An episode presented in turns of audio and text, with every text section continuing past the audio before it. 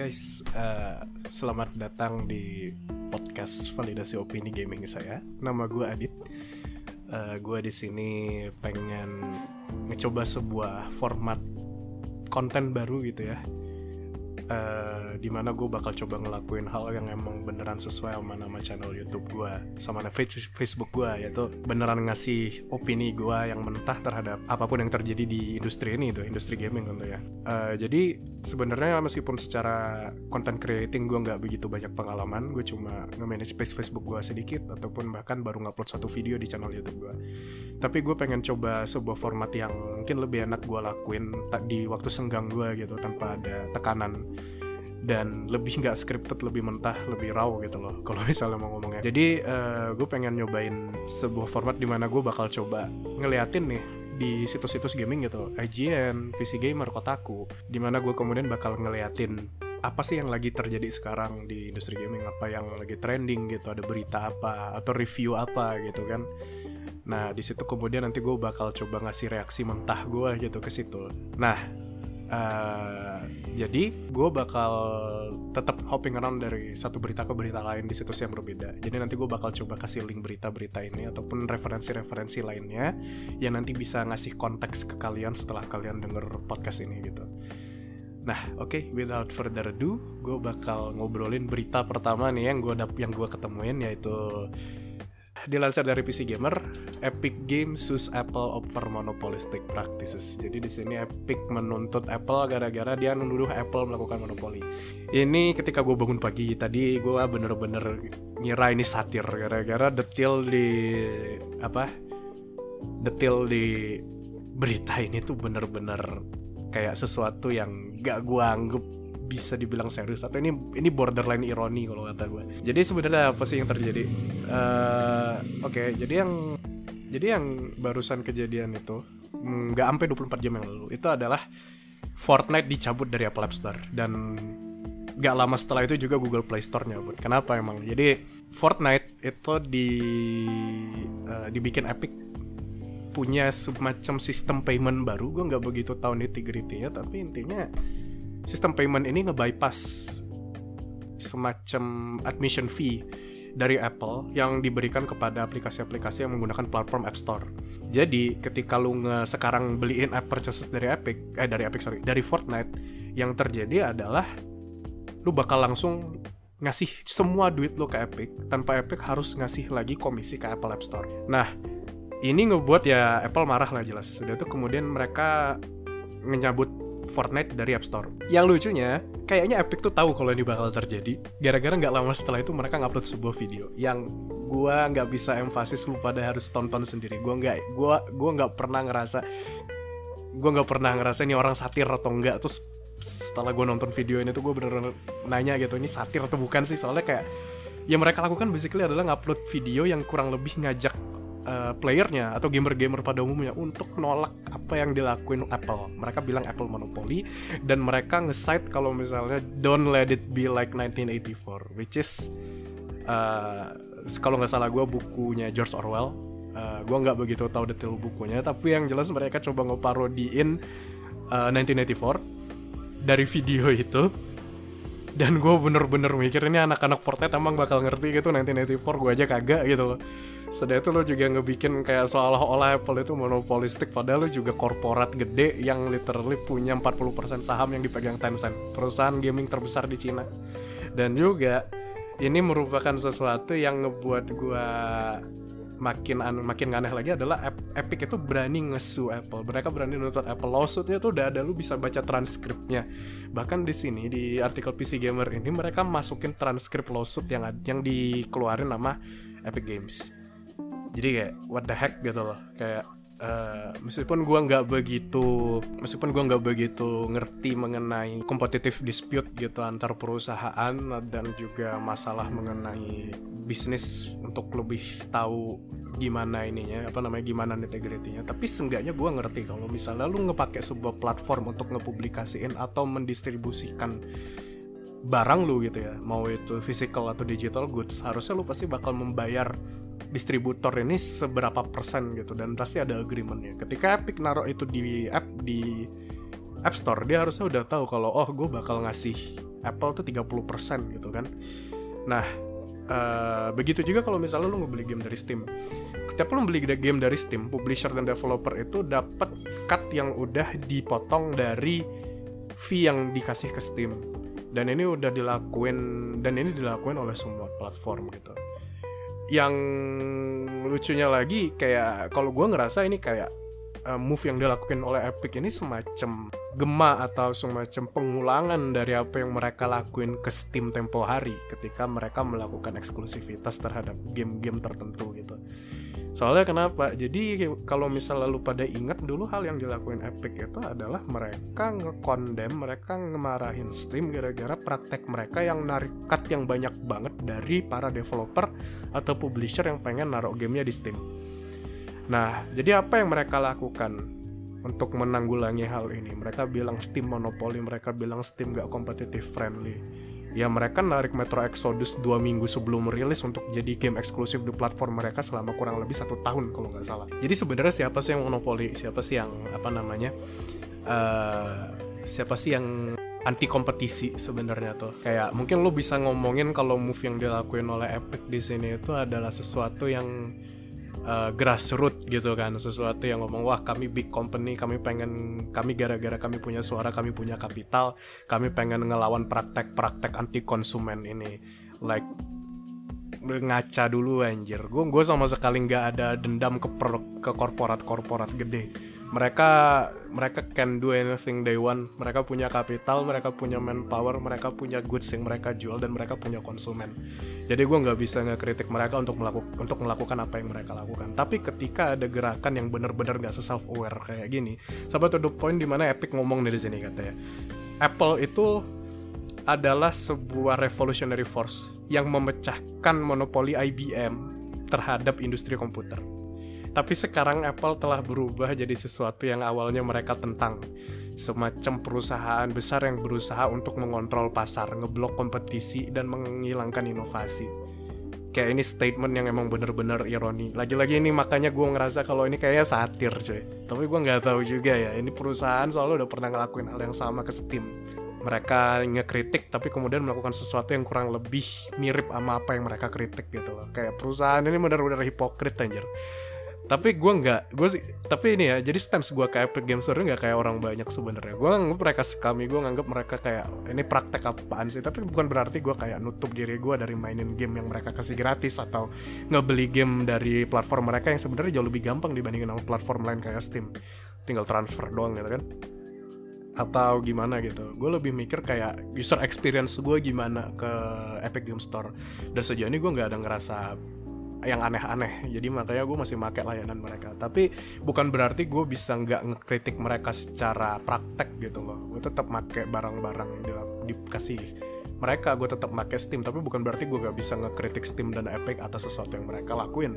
Gue bisa aja ngelakuin itu. Dan kalaupun misalnya gue nganggep mereka udah jauh ke arah ekstrim mungkin gue bisa ngeboikot mereka. Meskipun I don't know what boycotting will do at this current climate lah basically. Yang di mana korporat uh, udah rada susah untuk diboykot ya terutama kayak developer-developer atau misalnya platform-platform gede kayak Steam dan Epic gitu. Jadi uh, eh, gue ngerasa kayak yang dilakuin mereka ini emang bener-bener sesuatu yang rada-rada hipokritical. Mirip lagi-lagi sama apa yang mereka lakuin ke Steam ketika mereka baru ngerilis Epic Game Store. Dan dari cara mereka ngerilis videonya tuh nggak lama setelah Apple naro nuruninnya si nurunin apa? Fortnite dari App Store tuh gue ngerasa ini emang beneran sesuatu yang udah di predetermine dari awal, yang udah disiapin dari awal dan gue ngerasa sesuatu yang rada gak enakin aja dari itu. Tapi gue bener-bener penasaran anjir. Kira-kira gimana nih lanjutannya? Apakah siapa yang bakal menang lawsuitnya? Tuh bahkan bakal disettle out of court gitu? Kayak ini soalnya kayak kalau misalnya gue jadi juri ya di Amerika tuh kayak gue udah ngerasa ini apaan sih? Kayak kata tapi lucunya ya ini ini pendapat gue lo pendapat gue pribadi. Jadi gue bukan orang hukum gue bukan apa. Tapi kalau misalnya gue ngelihat caranya tim Sweeney nge ngasih diri dia ya ngepresent diri dia ngasih opini dia terhadap itu. Kalau misalnya lu baca di teks tuh ya lu baca di teks tuh framingnya lu bukan orang yang ngerti gaming gitu kan. Lu bukan orang yang ngerti gaming lu bukan orang yang ngerti apa. Sebenarnya case mereka tuh bagus banget sih. Kalau misalnya lu nggak punya notion kalau misalnya Epic itu salah satu major player di game industry lu bakal ngeliat mereka ini sebagai orang-orang yang apa namanya perusahaan yang berusaha ngegebrak market yang dimonopoli oleh beberapa korporat doang gitu. Dan mereka berusaha ngela berusaha ngelakuin sesuatu di mana gue nggak pengen ada monopoli lagi. Gue punya kapital gue punya nama gue pengen berusaha ngilangin itu. Dan itu yang mereka dan itu yang tim Sui ini selalu bawa. Itu brand image-nya Epic. But kalau misalnya lu orang apa namanya kalau misalnya lu tahu industri ini lu, lu sering main game lu punya sen, punya awareness lah terhadap industrinya lu pasti bakal mikir anjir ini scummy banget munafik gitu kan. Tapi kalau misalnya lu seorang juri yang duduk di pengadilan dan lu ngeliat wah hebat banget nih pro nih apa namanya uh, perusahaan gue nggak pernah denger nih perusahaan siapa sih katanya. Epic Game tuh apa sih sebenarnya gitu loh. Soalnya kalau misalnya orang tahu Fortnite orang tahu Fortnite tapi Epic Games gitu kan brand recognitionnya gimana. Sedangkan kalau misalnya kita ngomong Apple orang pasti udah tahu Apple gitu loh. Bahkan orang yang nggak ngegame pun tahu Apple. Jadi gue rasa orang lebih punya bias terhadap Apple dibandingin orang punya bias ke Epic. Dan kalau misalnya pengadilannya mereka ini disettle pakai juri, sistem juri yang kalau nggak salah dilakuin oleh Amerika ini bisa aja si Epic menang menang court case ya. Tapi gue nggak tahu mungkin sistem juri cuma dilakukan pidana mungkin kalau misalnya ada orang-orang yang lebih ngerti hukum tuh bisa bisa ngobrolin lebih lanjut ini cuma opini dari dalam ya atau dari dalam perut gue yang gue nggak ngerti sebenarnya gimana. Tapi lagi-lagi uh, channel name gitu loh. Ya again gue penasaran sama lanjutan kasus ini bakal gimana. Dan ngobrolinnya itu emang bener-bener bener-bener menarik gitu ya. Terutama kalau misalnya mungkin lu bisa lebih ngerti di dari sisi hukum hak cipta atau dari bukan hak cipta sorry dari hukum anti kompetisi atau misalnya uh, hukum kompetisi atau misalnya hukum monopoli. Dan gue kurang ngerti masalah itu gitu. Jadi nanti kalau misalnya lu pada pengen discourse ya discourse aja obrolin gitu kan. Nanti mungkin gue bakal ngeplug page Facebook gue atau misalnya uh, media gue yang lain untuk mungkin bisa buat ngobrol gitu kan. Oke. okay jadi itu topik yang pertama. Sekarang kita bakal segue ke topik yang kedua nih. Uh, jadi ini sebenarnya gue ambil berita ini untuk jadi semacam segue untuk topik yang pengen gue omongin. Jadi pertama beritanya dulu ini gue dapat dari IGN ya. Uh, Shin Megami Tensei 3 Nocturne yang HD itu bakal muncul bakal munculin Dante dari DMC uh, sebagai DLC berbayar. Nah, jadi uh, ketika trailer Nocturne itu pertama kali dirilis di Nintendo Mini Direct kemarin sebenarnya yang muncul bukan Dante tapi Raido dari Shin Megami Tensei Devil, Soro, Devil Summoner versus The Soulless Army Raido Kuzunoha versus The Soulless Army dan Shin Megami Tensei Devil Summoner 2 Raido Kuzunoha versus King Abaddon please play gitu kan. Nah jadi awalnya Raido yang dimunculin. Nah kenapa Raido yang dimunculin? Gara-gara kayaknya versi portingan HD-nya ini muncul dari versi gue lupa apa namanya Maniacs kalau nggak salah. Versi Maniacsnya uh, eh, SMT3 yakni versi yang udah diupdate yang udah dikasih polish lebih banyak gitu. Uh, basically kayak final mix Kingdom Hearts. Atau Persona 3 Fest gitu kan. Nah dimasukin ke dalam versi HD jadi ini yang versi HD itu bakal ngambil dari ini nah Dante itu sama sekali nggak ada tanda-tandanya sama sekali itu gue di grup Devil May Cry itu udah pada ngamuk semua tuh Dante yang nggak ada gitu-gitu kan Nah, ternyata Dante bakal ada dan Dante itu bakal dimasukin sebagai DLC. Jadi katanya ini bakal berharga bakal seharga 980 yen atau 7 sampai 9 dolar. Sekitar 100 sampai 120 150 ribu lah kalau misalnya di convert ke kurs kita gitu ya. Tapi gue nggak tahu harga pastinya berapa di rupiah. Nah, apa namanya? Jadi nama nama packnya ini Maniac Pack jadi maniak spek ini bakal apa namanya bakal ngasih ngasih semacam uh, mode baru di mana lu bisa masukin Dante ke dalam game yang ngegantiin Raido gitu. Nah, kenapa gue pengen ngobrolin ini? Gara-gara Shin Megami Tensei 3 Nocturne buat yang familiar itu pertama kali rilis langsung pakai Dante tanpa adanya uh, payment barrier sama sekali. Jelas lah ya zaman PS2 gitu. Nah, uh, ini jadi kan lu mikir kan aduh ini kan karakter sempat gratis nih kenapa dibayar kenapa jadi bayar sekarang dan kemudian muncul omongan ya jelas itu kan licensing fee gitu dan kemudian gue jadi mikir in general kira-kira gimana sih caranya mekanik gas karakter bisa masuk ke dalam game lain gitu kan. Terutama kalau misalnya kita nginget SMT3 Nocturne bisa dapat Dante itu gara-gara ada partnership antara Kaneko dari Atlus sama uh, rombongannya Capcom untuk kemudian si Kaneko ngedesain versi Devil Triggernya Vergil sama Dante di mana kemudian uh, Capcom ngasih Dante untuk dipakai di SMT Nocturne gitu. Dante ya DMC 2 waktu itu. Ini kan uh, gue nggak tahu backhand dealingnya gimana. Apakah si Capcom beneran ngebayar Atlus untuk ngekomisiin Kaneko atau ini sebenarnya sebenarnya cuma goodwill partnership gitu Nah, tapi despite of that, kemudian uh, kenapa karakter ini mungkin bisa dimunculkan lagi? Mungkin gara-gara licensing fee. Kenapa jadi dibayar gitu kan? Dan kemudian gue ngelihat kayak nature karakter-karakter crossplay kayak gini, karakter-karakter cross apa namanya cross franchise kayak gini di game-game lain, terutama game-game fighting gitu kan, kayak Tekken tuh gas karakter banyak banget tuh kan. Uh, Gak sih gas karakter kayak Tekken gak begitu banyak. Geese, Negan, Noctis sama ya kayaknya cuma Gisnegan sama Noctis deh. Satunya lagi itu nggak ada. Belum nggak belum ada karakter baru lagi bahkan di season kemarin. Dan kemudian kita ngeliat Smash gitu yang banyak banget roster dari game-game lainnya.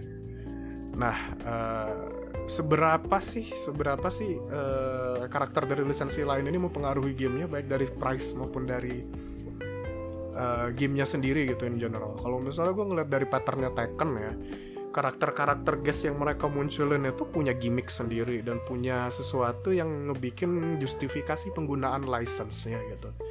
Dan juga kalau misalnya gue ngeliat kayak uh, Smash gitu kan dengan karakter-karakter crossover yang lain gitu. Kayak gue masih inget banget uproar ketika Cloud muncul di Smash tuh waktu gue lupa 2000 berapa diumuminnya tapi kan kemudian karakter-karakter ini digunakan sedemikian rupa untuk uh, basically menggunakan license-nya sebaik mungkin gitu. Dan gue ngelihat kayak ini lebih kayak passion project dibandingin nama uh, sesuatu yang memang mereka ambil buat monetary gain gitu kan. Kenapa gue ngomong demikian? Gara-gara kayak uh, kalau misalnya gue ngeliat dari contoh kayak Smash Bros sama Tekken dan Dante di SMT 3 Nocturne tuh gue ngeliat seberapa dalamnya mereka pengen berusaha untuk ngebikin justifikasi di mana karakter-karakter ini dimasukin ke franchise mereka gitu uh, dan gimana kemudian mereka melakukan itu kayak Noctis di di Tekken tuh bener-bener bener-bener karakter yang mainnya beda banget dari dibanding karakter-karakter Tekken. Oke, Tekken oh gue lupa satu lagi Akuma. Uh, jadi uh, Tek, Tekken tuh udah punya karakter crossover lain dari Akuma gitu kan. Akuma juga mainnya beda banget sama karakter-karakter Tekken lain di mana dibikin sebuah mekanik dedicated yang nanti ujung-ujungnya malah metanya ngarah ke sana meta 2D tapi gue nggak gue nggak bakal ngobrolin itu gue nggak begitu dalam ngerti Tekken gitu kan tapi intinya uh, mereka secara sededicated itunya ngebikin semacam uh, mekanik gameplay atau misalnya sesuatu hal lain di dalam game yang kemudian bisa ngejustifikasiin uh, ngejustifikasi masuknya karakter-karakternya ke dalam franchise mereka. Dan gue seneng banget konsep ini gitu ketika lu masukin uh, karakter dalam crossover itu bukan cuma sekedar skin doang atau gimana gitu kan. Gue nggak apa-apa lu misalnya masukin skin kan tapi kayak kayak kayak DLC DLC kayak gitu yang cuma masukin skin doang dengan harga ma dengan bandrol harga gitu kan. Kemudian lu ngeliat banyak atam-atam kayak gini yang bikin uh, crossover itu jauh lebih bermakna. Kayak misalnya di Tekken di Smash Bros 1 di SMT 3 gitu kan ya gue kayak gue gue seneng banget gitu loh kayak apa namanya crossover crossover kayak gitu. Terutama kalau dilakuin dengan uh, dedikasi yang segede. Smash Bros maupun Tekken. Dan juga uh, kalau misalnya kita ngomongin crossover konten ya gue ngerasa uh, salah satu game yang pengen gue diadain lagi crossovernya gitu ya game fighting sih tetap kalau kata gue gara-gara gimana ya ada sesuatu hal di fighting game itu yang nggak bisa lo temuin di game-game lain. Di mana kayak lo bikin semacam match up dream match antara karakter-karakter yang pengen lo lihat pukul-pukulan gitu loh. Kayak misalnya di Marvel vs Capcom atau di Blaze Blue Cross Tag gitu kan. Di mana karakter-karakternya tuh nggak nggak biasanya lo lihat muncul di satu franchise yang sama. Dan terutama kalau misalnya lo bikin seolah-olah ada interaksi gitu di antara mereka. Gue seneng banget cross tag itu meskipun gue gak main gamenya gara-gara mereka sampai segila itu ngasih inter interaksi mikro antar karakter-karakter yang beda franchise gitu kan.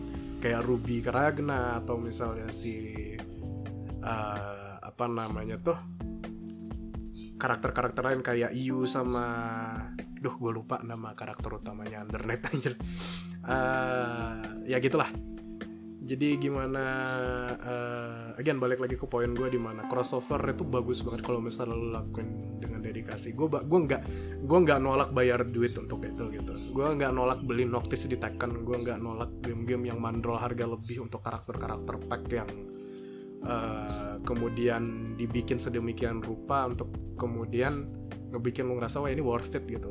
Bukan cuma sekedar skin skin doang yang biasanya dilakuin oleh game-game uh, kayak lu nggak tahu ya kalau kayaknya kalau nggak salah Trail Series juga ngelakuinnya Cold Steel kalau nggak salah ada kostum crossover ya. Tapi seenggaknya kostum crossover ya Cold Steel itu dia nggak cross franchise ya tapi mungkin lebih reference ke karakter-karakter lain di hari Falcom gitu gue juga pernah lupa atau misalnya kayak Atlus tuh yang emang beneran nge-milking kostum-kostumnya karakter Yakuza di dalam persona dancing gitu kan.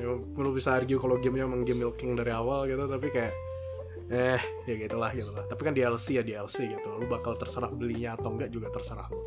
Tapi gue seneng aja kalau misalnya push ke cross crossover franchise kayak gini tuh lebih umum sebenarnya. Dan gua dan emang kayaknya lebih umum gitu sekarang kan. Marvel vs Capcom baru baru gagal tapi kemudian kita ada Brass Brew Cross Tag kita ada uh, Soul Calibur tuh yang ngeluarin banyak karakter crossover juga kayak Geralt sama Tubi itu. So dia tuh ada Tekken ada Smash Bros. ini. Kayak eh gue seneng banget crossover. Mungkin ini gara-gara salah satu game paling game yang paling gue seneng mainin tuh Kingdom Hearts ya dan lu tau lah itu crossover paling artis dalam sejarah umat manusia gitu.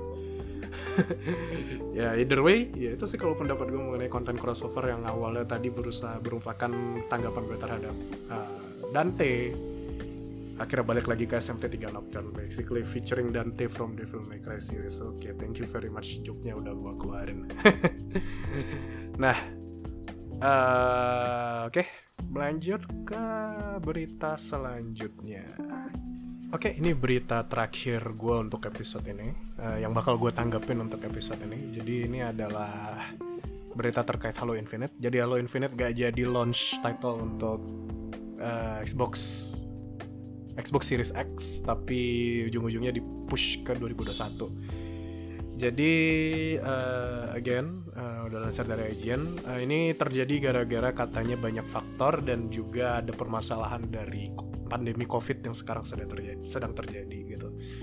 Nah jadi ini dari apa namanya dari uh, press release-nya 343 jadi mereka mereka tahu kalau ini bakal mengecewakan bagi banyak orang dan kemudian uh, dengan adanya waktu tambahan ini mereka bakal ngebikin game ini jadi sesuatu yang lebih berkualitas dan lu harus dan mereka nggak expect game ini bakal jadi game Halo yang paling ambisius gitu kan.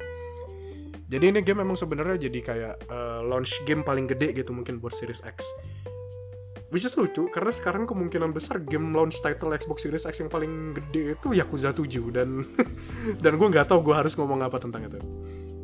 Jadi uh, gimana ya gue sebenarnya pengen ngebawa ngebawa apa namanya ngebawa berita ini gara-gara gue juga pengen ngobrolin tanggapan orang ke Xbox Microsoft dan Halo in general gitu. Kayak kalau dari yang gue lihat dari circle gue ya mungkin dari circle gue aja kayak gue ngelihat banyak banget yang anggap Microsoft itu sebelah mata gitu kan. Terutama uh, ngelihat kayak katanya wah game-game mereka jelek gitu-gitu loh kayak uh, game-game mereka jelek eksklusif yang gak ada gitu kan katanya.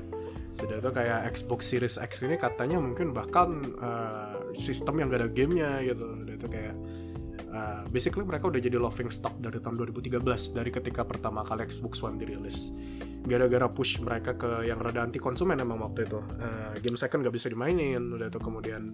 Game second gak bisa di di apa? Game second gak bisa dimainin di sistem yang berbeda tanpa uh, license. Gue lupa mekanik mereka gimana. Dua waktu itu langsung PS nge-rebounce kan ngebikin lu bisa main game second di PS 4 mana pun dan orang pada teriak gitu. Uh, jadi gue ngeliat kayak gue rasa uh, persepsi orang ke Microsoft itu rada rada rada stilted rada beda rada gimana gue ngomongnya ya rada distorted lah dari basis surface level observation aja.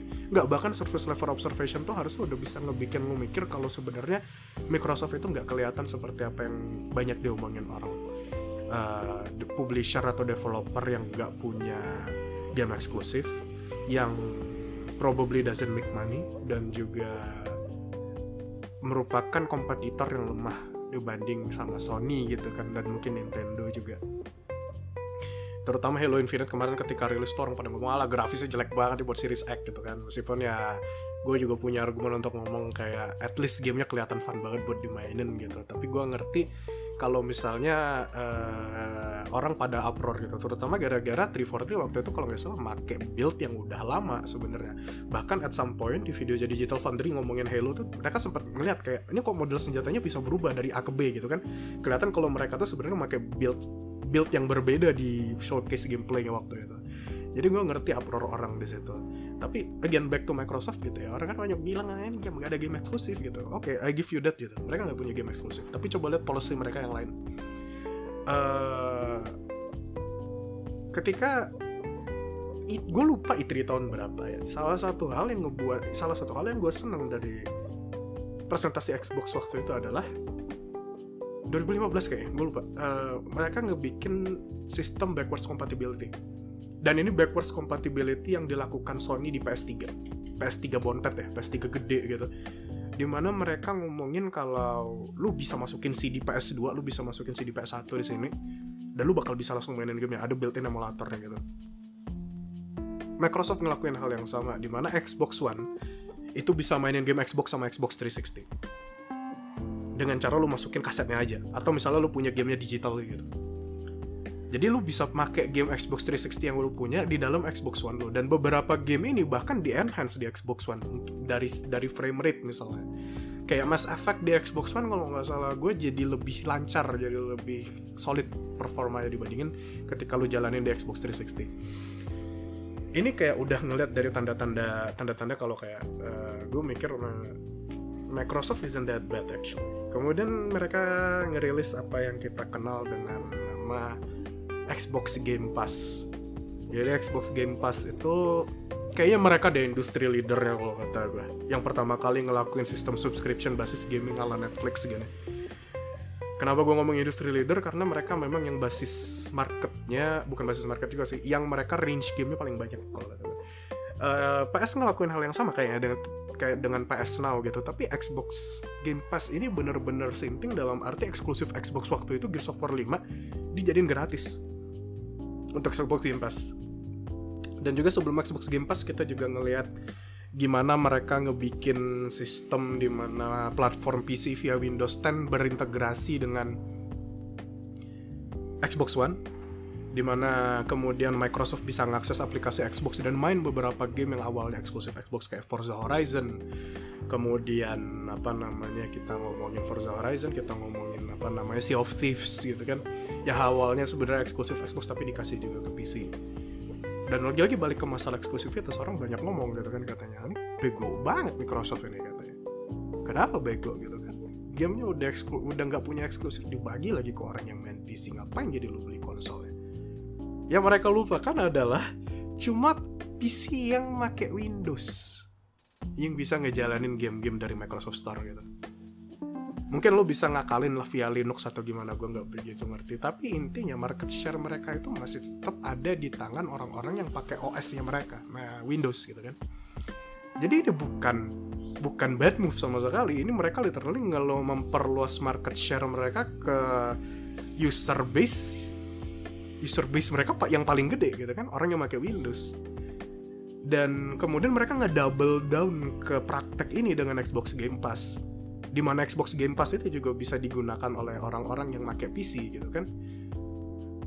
Di mana lu bisa dapet kalau nggak salah gue tuh mungkin hampir nggak ada game eksklusif only Xbox One yang nggak ada di PC untuk saat ini gitu ya. Lu bisa mainin Gears of War 5 nanti Halo, Halo Infinite masuk PC Master Chief Collection masuk PC dan Master Chief Collection pun bahkan dirilis via Steam yang gue seneng tuh itu. Mereka bener-bener kagak kagak kagak overprotective ke IP mereka. Mungkin gara-gara Microsoft perusahaan yang udah gede tanpa takut ada kompetisi yang cukup besar kali. Dan emang mungkin pengguna Steam juga kebanyakan orang yang pakai Windows gue juga kurang tahu. Gue nggak gue belum riset di kebagian itu. Tapi intinya yang mereka lakuin itu sesuatu yang intinya nggak anti consumer sesuatu yang kita kritik yang kita kritik tentang mereka pada tahun 2013 silam gitu kemudian kita ngelihat lagi uh, ini mungkin secara personal ya gue ya. Salah satu hal yang paling gue senang adalah mereka ngelokalisasi Fantasy Star Online 2 gitu. Itu game nggak pernah keluar dari Jepang. Dari tahun 2012 atau 13 tapi kemudian Sony eh Sony lagi uh, Microsoft masukin semacam uh, mungkin suntikan modal atau gimana. Mereka berusaha pengen ngebikin game ini keluar Jepang. Dan akhirnya dirilis di North America lalu tau apa yang keren dari situ? Gamenya kagak di blok maksud gue kagak di region lock via Microsoft Store. Lo tinggal ganti region lo ke Amerika dan itu pun gak harus lo lakuin sekarang kalau nggak salah. Uh, dan kemudian lo download gamenya via Microsoft Store. Oke gue tau Microsoft Store tuh retarded banget aja kayak reviewnya PSO 2 di Windows Store itu cuma dua bintang. Bukan gara-gara gamenya jelek tapi lebih kayak anjir ini store page jelek banget sumpah. Dan gue juga nge-support mereka. Versi Microsoft Store game itu tuh bener-bener nggak bisa dimainin. Lu harus pakai tweaker ya. Lu harus pakai tweaker third party yang dibikin oleh dedicated developers di luar Sega dan Microsoft. Yang udah dipakai untuk yang udah dipakai untuk ngejalanin gamenya dari zaman JP gitu. Dari orang yang main Jepang tuh orang udah pada pakai tweaker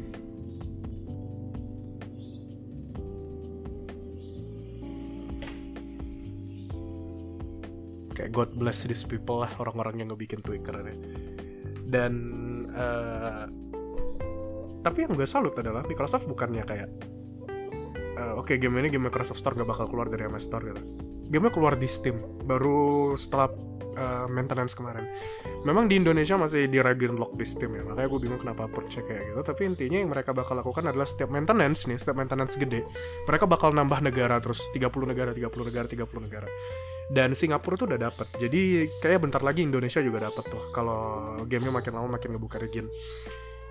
Jadi uh, mereka nggak ngekang Sega meskipun mereka ngepush PSO2 masuk ke North America via Microsoft gitu kan. Xbox One duluan yang dapat waktu itu sebelum PC mereka nggak ngekang itu dan mereka tetap aja ngepush gamenya untuk di bisa dimainin sama orang-orang yang pengen mainin gamenya di North America yang pengen ngemainin gamenya sih yang udah localized gitu kan dan gue bisa respect itu uh, move mereka untuk kagak ngunci game ini di Microsoft Store entah mungkin gara-gara mereka nyadar atau Microsoft Store itu kurang adequate atau emang mereka sebenarnya kagak ngekang sama sekali gitu. Jadi gimana ya gue nganggep kayak Microsoft itu meskipun mereka mega korporat yang mungkin rada shady gitu ya dalam praktek proteksi data mungkin kalau misalnya ada yang pernah pernah inget drama yang waktu itu. Atau mungkin mereka monopoli OS atau gimana juga. Tapi kalau misalnya dalam masalah Xbox ya dalam masalah game gue ngerasa mereka consumer friendly gitu. In a sense ya uh, mungkin gue aja yang naif atau gimana gue ngomong gue ngomongin korporat konsumen friendly tapi ya itu yang gue rasain gitu kan. Game Pass ngasih game banyak gratis ke orang-orang dan bahkan sampai launch title pun kayak kayak Gears of eh kayak Halo Infinite tuh mau dikasih gratis meskipun sekarang Halo Infinite udah bukan lagi jadi launch title gitu. Halo Infinite digratis digratisin ke semua Xbox Game Pass user dan juga uh, multiplayernya digratisin untuk semua orang gitu kan dari balik lagi ke Halo yang diomongin di artikel ajian ini.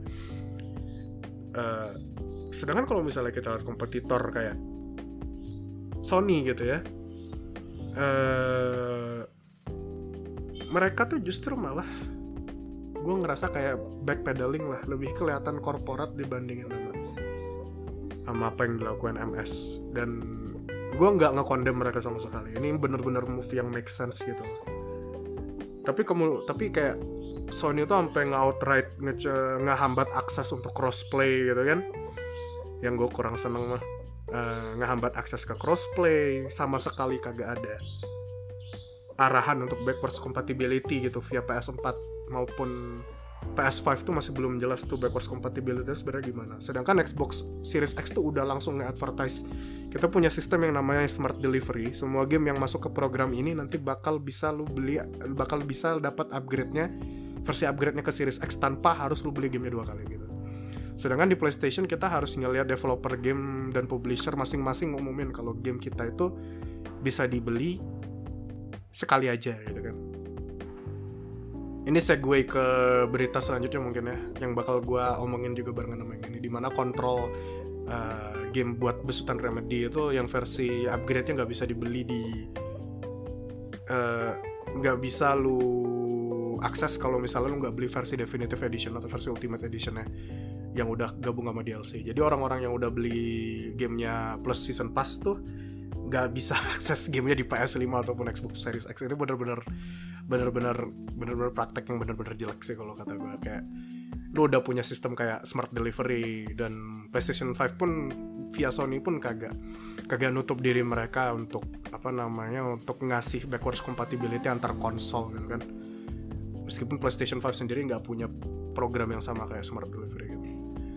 Uh, balik lagi ke konteks di mana kalau misalnya kita mau ngomongin something is consumer or anti consumer itu ya balik lagi ke consumer experience sebenarnya. Dan kalau gue secara personal yang udah mainin PSO 2 yang udah nyoba-nyoba iseng tuh ngeliatin Game Pass dan juga udah nikmatin beberapa game Microsoft di PC gue gitu ya yang seharusnya nggak bisa gue mainin gara-gara harusnya eksklusif Xbox One. Ya gue ngerasa apa yang mereka lakuin di sini itu sesuatu yang nge-benefit gue sebagai konsumen. Gue akhirnya bisa mainin Halo New Game, Halo New Game tanpa harus beli Xbox Series X itu gue udah seneng banget gitu. Uh, ya itu sih kurang lebih kayak Microsoft is probably something else than what people is talking about right now gitu. Bukan sekedar perusahaan nanti perusahaan tanpa eksklusif atau konsolnya yang udah mau mati atau gimana tapi kayak gue ngelihat apa yang dihadirkan sama Microsoft itu bener-bener ngasih gue beberapa hal yang bikin gue mikir kayak Hah, mereka bisa juga gitu kayak gini gitu. Kenapa perusahaan lain nggak bisa? Gitu ya. Oke lah uh, untuk uh, tiga berita atau mungkin empat tadi masukin kontrol ya. Uh, empat berita itu empat artikel itu dan tanggapan gue mungkin berakhir di sini jadi uh, terima kasih banyak buat mungkin yang udah ngedengerin sampai beres. Gue bukan konten kreator yang emang ngerti gimana cara bikin konten atau flowchart atau gimana atau punya patokan lah kira-kira gimana harus ngebikin konten yang kira-kira enak. Dilihat gue cuma pengen kayak ngasih opini gue uh, gue kemas dalam bentuk yang bisa dikonsumsi orang lain gitu. Dan kemudian gue sebarin aja gitu kan daripada di masa pandemi ini di mana kita nggak begitu punya banyak opsi untuk apa yang kita lakukan di waktu senggang maupun waktu penting kita gara-gara banyak orang yang mungkin nggak punya opsi lain gitu. Dan gue ngerasa kayak hal yang kayak gini bisa ngebantu gue untuk tetap produktif dan nggak jadi uh, coach potato lah. Meskipun gue udah terlanjur jadi coach potato ya tapi gue berharap bisa berubah dengan adanya podcast ini gitu entah bisa dibilang podcast atau enggak gue cuma ngomong sendiri soalnya ngarambling sendiri. Tapi ya intinya itu opini gue guys. Uh, silakan divalidasi atau silakan didiskusikan di platform yang nanti mungkin bakal gue kasih. Uh, dan juga gue bakal ngasih artikel-artikel ini link-link artikel-artikel yang gue react ini ke deskripsi. Atau kalau gue nggak tahu ya anchor ada deskripsi atau enggak. Pertama kali ini gue bikin gue bikin pakai platform ini gitu tapi ya kalau misalnya ada cara gimana gue ngasih teks gue ngasih linknya nanti pasti bakal gue kasih oke okay, uh, that's all for my podcast uh, episode pertama. Terima kasih banyak sudah mendengarkan sekali lagi. Maaf kalau misalnya audionya kurang kurang rapi karena emang gue nggak punya setup yang benar-benar dedicated untuk merekam gitu. Ya. I make do with what I have gitu. Tapi uh, thank you very much and stay healthy.